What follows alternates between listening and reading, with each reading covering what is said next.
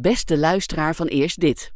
We willen je graag uitnodigen voor iets bijzonders, zeker als je fan bent van de podcastserie Moderne Profeten. Op vrijdag 6 oktober organiseren we een Moderne Profetendag. Dit vindt plaats in klooster Nieuw-Sion in Diepeveen. Het wordt een middag en een avond vol inspiratie vanuit verschillende invalshoeken. Er is muziek en we vieren samen een groot feestmaal aan lange tafels. Meer informatie over de Moderne Profetendag en tickets vind je op www.moderneprofeten.nl. We hopen je te zien op 6 oktober. Eerst dit, de Bijbelpodcast van de Evangelische Omroep, IZB en NPO Radio 5, die je elke werkdag helpt ontdekken wat Jezus volgen voor jou betekent. Het thema van onze zomerprogrammering is 25 vragen van Jezus. Deze hele week met Corine Sonnenberg.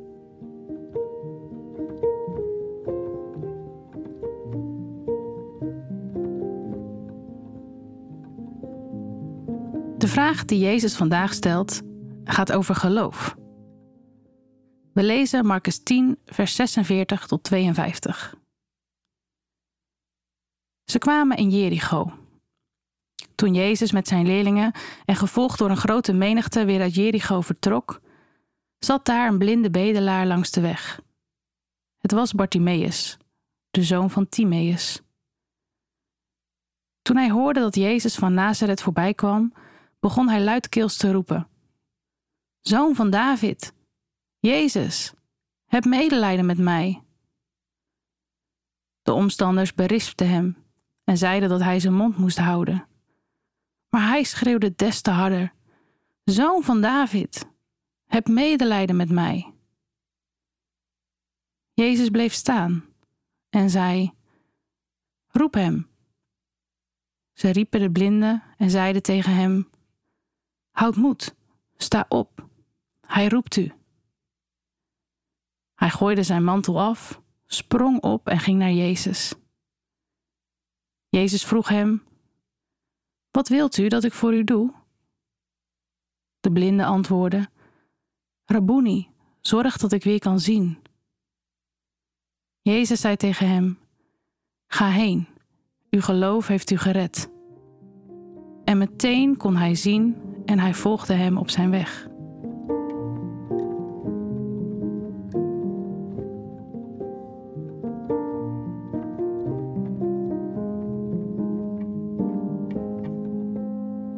Zeg eerlijk, het is een rare vraag die Jezus hier stelt. Er zit een blinde man aan de kant van de weg. Hij roept Jezus en waar eerst de omstanders hem nog tegen proberen te houden, blijft hij aanhoudend schreeuwen. Jezus staat stil, laat hem bij zich roepen. De man springt op en komt voor Jezus staan. Het is duidelijk. Hij is blind. Hij zoekt genezing. En Jezus, die zojuist een groot aantal mensen had genezen, hij heeft van hem gehoord. Misschien was het nu zijn beurt? En dan klinkt daar die vraag van Jezus. Wat wilt u dat ik voor u doe? Maar Jezus, dat is toch duidelijk? Hij is blind. Kom op, dat ziet u toch? Waarom die vraag? Maar toch stelt Jezus hem die vraag: Wat wil je dat ik voor je doe? Het is een uitnodiging. Zeg het maar. Wat kan ik voor je doen? Het is een vraag die tegenovergesteld is aan hoe het in onze maatschappij er vaak aan toe gaat. In onze maatschappij heerst vaak het idee van voor wat, hoort wat. En daarmee de vraag: wat heb jij voor mij gedaan? Want voor wat, hoort wat. Ik heb jou toen geholpen met het klussen in je huis, maar dan moet je mij nu ook helpen. Ik heb van jou een cadeau van ongeveer 10 euro gekregen voor mijn verjaardag.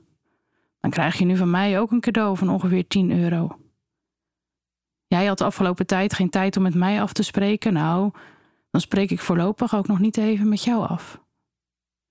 Voor wat, hoort wat. En heel eerlijk, soms is dit ook hoe we naar God kijken. Ik heb al deze goede dingen voor u gedaan. Dan moet u nu toch ook dit en dit voor mij? Of de vraag: Hoe kan het nou dat ik in deze situatie niks merk van God? Ik zit al jaren trouw in de kerk en lees mijn Bijbel. Voor wat hoort wat. Maar dat is hier bij Jezus niet de vraag. Niet voor wat hoort wat. Hij stelt niet de vraag: wie ben je eigenlijk? Heb ik je wel vaak genoeg in de kerk gezien? Nee, tegenover het voor wat hoort wat principe zet Jezus de principe van Gods koninkrijk. Genade. Je bent bij Jezus welkom, ongeacht wie je bent, waar je vandaan komt of wat je nodig hebt. Het is genade. Je hoeft er niets voor te doen of gedaan te hebben. Kom maar. Wat kan ik voor je doen? De man was blind, maar hij zag intussen meer dan een ander. Hij wist dat hij bij Jezus moest zijn. Hij had geloof. En hij geloofde dat deze Jezus hem beter kon maken. En met dat geloof schreeuwde hij het uit: Zoon van David, Jezus, heb medelijden met mij. En niets of niemand kon hem tegenhouden. Zodra er mensen tussen kwamen te staan, schreeuwde hij het nog harder uit. Dat is wat geloof doet. Als je van binnen een diepe overtuiging hebt dat het tot de plek is waar je moet zijn. En Jezus ziet zijn geloof, ziet wie hij is, en stelt hem daarom die vraag, die uitnodiging. Wat kan ik voor je doen? Vandaag klinkt die vraag van Jezus ook voor jou. Wat kan ik voor je doen? Vraag het mij maar. Want wie zoekt, vindt. Wie klopt, zal worden opengedaan. En wie vraagt, die zal gegeven worden.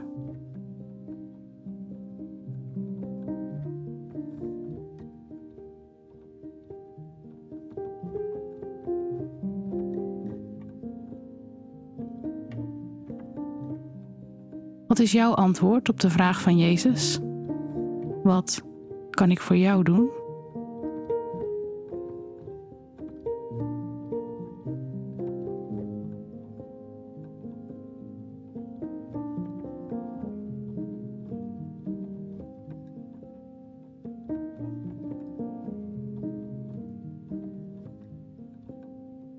Liefdevolle God, U kent ons door en door. Vandaag komen we bij U en leggen wij datgene voor U neer wat wij nodig hebben. Zie ons staan en zie ons geloof, hoe klein het misschien ook is. Amen.